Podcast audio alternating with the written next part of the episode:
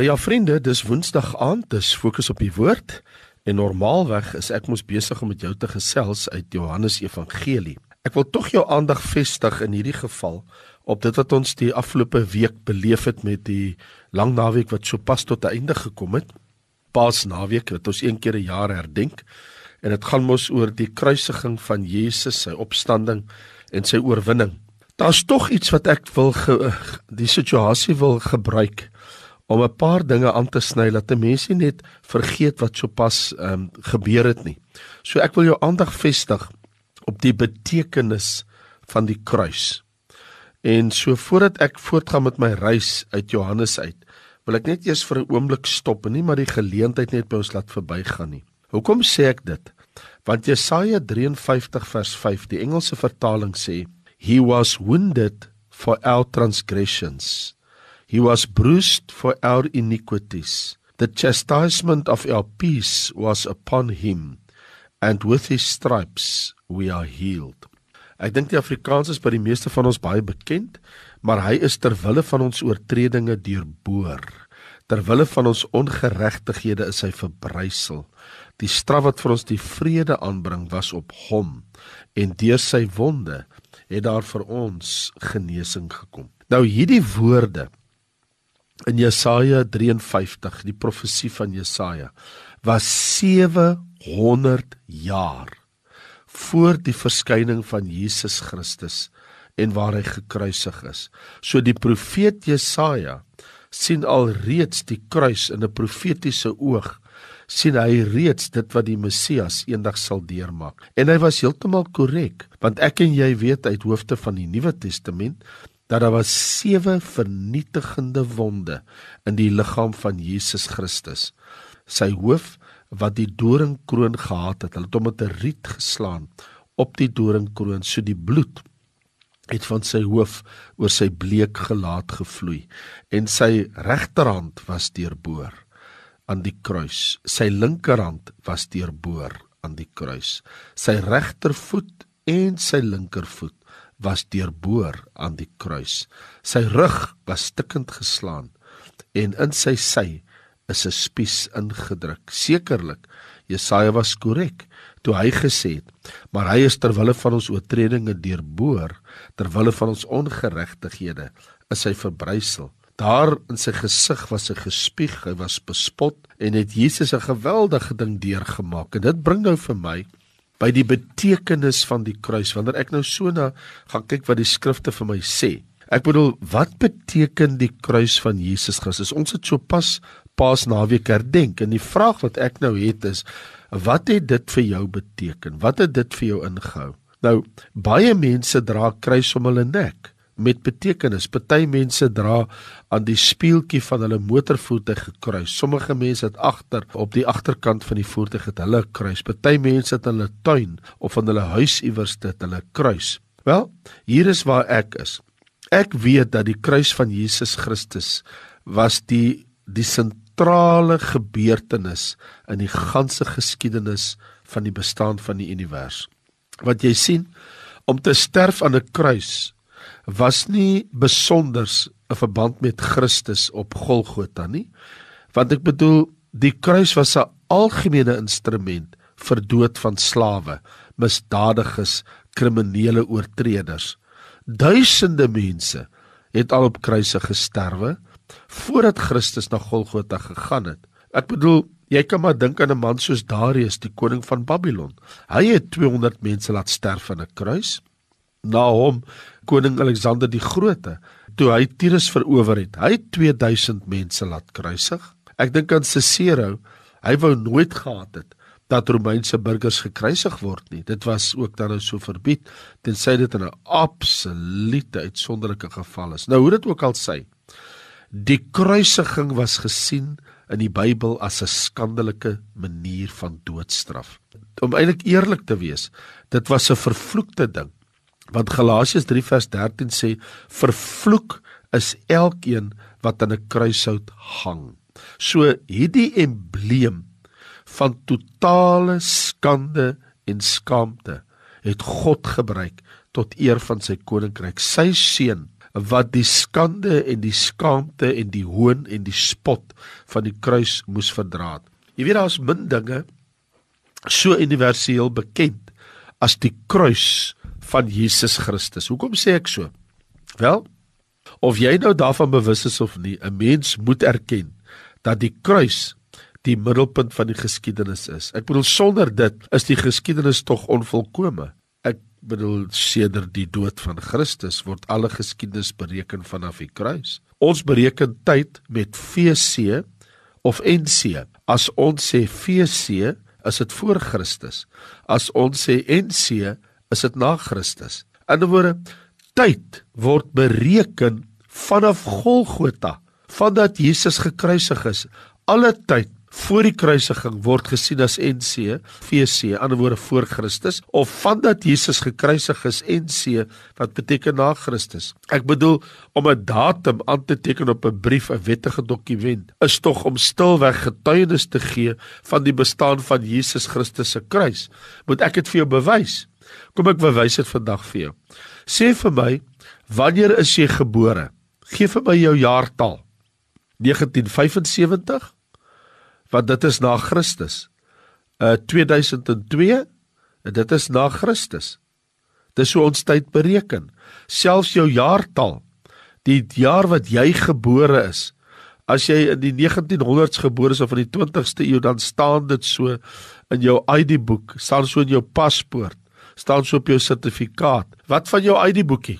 Jou ID-boek sê dit ook. Want jou ID-boek gee die jaartal aan. Dit word bereken vanaf Golgotha. Wat van jou aanstellingsbrief by die werk? Daai brief wat sê jy's nou aangestel, jy het nou hierdie werk. Daai brief het 'n datum op. Daai datum mag miskien lees 2012 of 2018 of 1999. Dit is bereken na Christus, aan die woorde na Golgotha. So ek en jy kan nie wegkom nie. En dit is dat tyd word bereken voor of na Golgotha. En op die vraag wat die kruis van Jesus vir ons beteken, is die vraag, maar wat beteken dit vir my? Wel, as ons praat van die kruis en profesie, dan vind ons dit so ver terug as in die bladsye van die Bybel. Jy kan eintlik die kruis terugtrek tot in Genesis 3, want in die moederbelofte het God tog vir Adam en Eva belofte gegee dat hy eendag iemand sal stuur wat die kop van die slang sal verbrysel. Nou ons weet dat die gefalle mense hierdie belofte gekry. Adam en Eva daar in die tuin tot hulle skaamte en hulle skande, het hulle probeer om hulle te bedek met vye blare. Die Here het vir hulle klere gemaak. Maar die Here het hulle nie so gelos nie. Hy het vir hulle belofte gegee. Ons noem dit die moederbelofte. Dit is die moeder van alle beloftes. Dit is die eerste belofte wat ooit in die Bybel gemaak is. En dit was deur God wat hy beloof het dat hy sal eendag 'n verlosser stuur. So die kruis kan 'n mens eintlik terugtrek so ver soos bykans 4000 jaar terug in die geskiedenis voor Christus. En as jy gaan kyk na alle rituele offerandes wat beskryf word in jou Bybelboek Eksodus en Levitikus. Dis maar alles vooraf skadu van die kruis van Christus, die tabernakel, later die tempel in Israel se geskiedenis. Gryp terug en dit verwysing na Christus, na die kruis van Christus. Selfs die wet, alle tipes en die wet spreek van die kruis. Ek bedoel in Numeri plaas Moses 'n koperslang op 'n paal as bevel van God sodat die onder die volk wat deur slange gepik is kan lewe as hulle na die kruis kyk. Jesus self sê die seun van die mens moet verhoog word net soos wat Moses die slang in die woestyn verhoog het en as hy verhoog word sal hy mense na hom toe trek want as mense na die slang gekyk het dan was die gif die gif van die adder wat hulle gepik het is dan geneutraliseer en, en dan beteken dit hulle sterf nie. Nou in Christus Jesus as ons na die kruis kyk, sal ons nooit die tweede dood sterf nie. Ons is een dood skuldig, maar dan sterf ons nie die tweede dood. En onthou die tweede dood in Openbaring 20 vers 14 en vers 15 het te doen met die ewige hel. So ek en jy sal nooit na die na die tweede dood die ewige hel as kinders van die Here nie. Nou hier sien ek in Jesaja 53. Hy is ter wille van ons oortredinge deurboor. Ter wille van ons ongeregtighede is hy verbrysel. Die straf wat vir ons die vrede aanbring, was op hom en deur sy wonde het daar vir ons genesing gekom. Wel, en as jy dink dat hierdie selfde Moses waarvan ons gelees het wat vir ons die wet gegee het in Eksodus en Numeri en Levitikus en die vyf boeke van die Bybel, dat dit hy was wat saam met Christus op die berg van verheerliking verskyn het en Lukas 9 sê vers 30 en 31 hulle het gepraat oor sy uitgang wat hy in Jerusalem sou volbring. In ander woorde, die gesprek het gegaan oor sy kruisiging. Moses bespreek met Jesus sy komende kruisiging. Op die berg van verheerliking bespreek hy dat wat op Golgotha gaan gebeur, die kruisiging van Christus. So in die oë van mense is dit 'n vloek, maar in die oë van die Here is dit 'n heerlikheid. Jesus moes na die kruis toe gaan. Paulus beamoed dit. Jy kan dit nie ontken nie dat in Handelinge hoofstuk 17 in die vers wat ek daaronder jou aandag wil bring in die besonder is vers 2 en vers 3 waar dit sy gewoonte was om 3 sabbate lank met hulle te spreek uit die geskrifte uit. In ander woorde, Paulus sou altyd wanneer hy geleentheid het, selfs die Jode op die Sabbatdag oortuig. Hy sou op 'n Sondag met saam met die kerk van die Here vergader, maar op 'n Saterdag saam met die Jode en dan wil hy met hulle praat oor die kruis van Jesus. So hier is dit In God die Vader se estimasie van sonde sien ons dat die kruis van Jesus Christus toon vir ons God se waardeskatting. Sonde is so donker, so afskuwelik vir die heilige God dat hy sy enige gebore seun uit sy boesem geworstel het sodat hy kon vasgenaal word aan 'n ou ruwe kruis.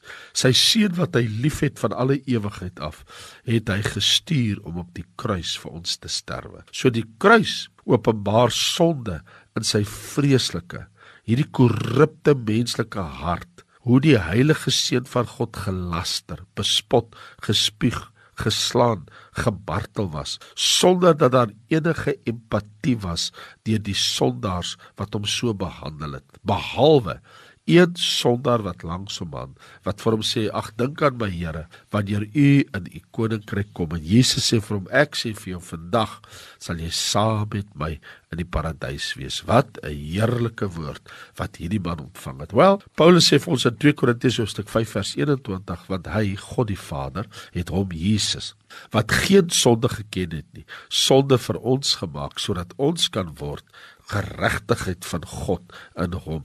So hoe verskriklik moet sonde wees dat God dit toegelaat het dat die Here maar net aanvaar dat daar is nie 'n ander manier nie. Vir die sonde moet sy seun aan die kruis sterwe.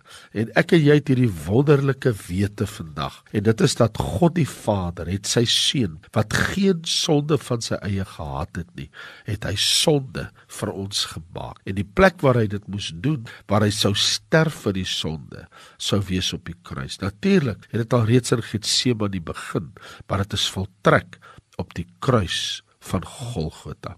Dus wanneer ek en jy na hierdie dinge kyk, dan besef ons dat God die Vader het wel 'n oplossing vir sonde, want deur die kruis, deur die gestorte bloed van sy seun aan die kruis, sou sonde mee weggedoen word. So voor die kruis kon die wet sonde openbaar en so ook die mens veroordeel. Maar die wet het geen oplossing kon aanbied vir sonde nie. Dit het geverg dat God moes iets uitsonderlik en baie besonders doen.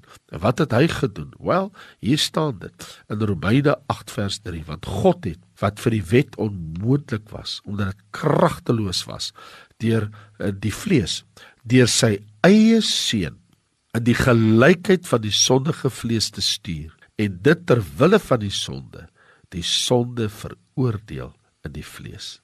So hier vind ons dat God se antwoord is: sy seun is veroordeel in die vlees. So die kruis word dus die enigste basis van saligheid. Is dit dan nou nie so dat Hebreërs 9 vers 22 sê sonder bloedvergieting vind daar geen vergifnis plaas nie en dierebloed het tog mos maar net die mense sonde bedek maar is die bloed van Jesus wat dit weggeneem het so die krag van Christus se verlossing aan die kruis verlos ons van straf en oordeel van die sonde. Een ding van die kruis, dit spreek van die Vader van God se diepe liefde.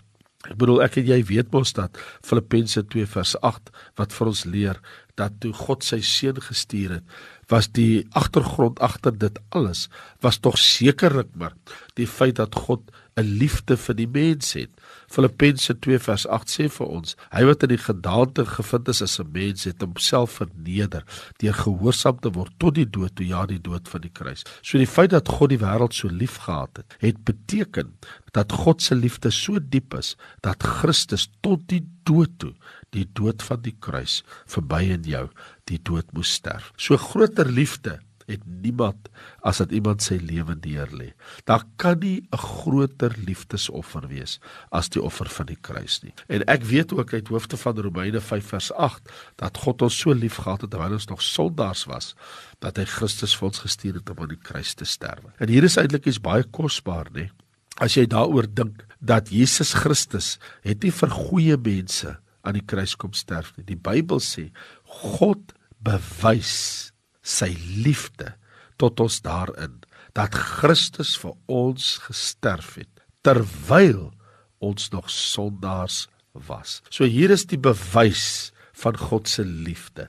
Jesus sterf vir sondaars aan die kruis. Verstaan jy dit? As jy sê jy is 'n sondaar, dan het hy vir jou kan die kruis gesterf. As jy dit erken en bely ek en jy, dan het hy ook vir ons aan die kruis gesterf. En natuurlik spreek die kruis van absolute verlossing. Want ek bedoel, toe ek begin het vandag het ek jou gevra, wat beteken die kruis vir my? Ek het vir jou gesê, die kruis spreek tot my dat die vervulling van profesie en ook spreek die kruis tot my van wat God van sonde dink dit is so erg dat hy moes sy seun na die kruis toe verdoem het.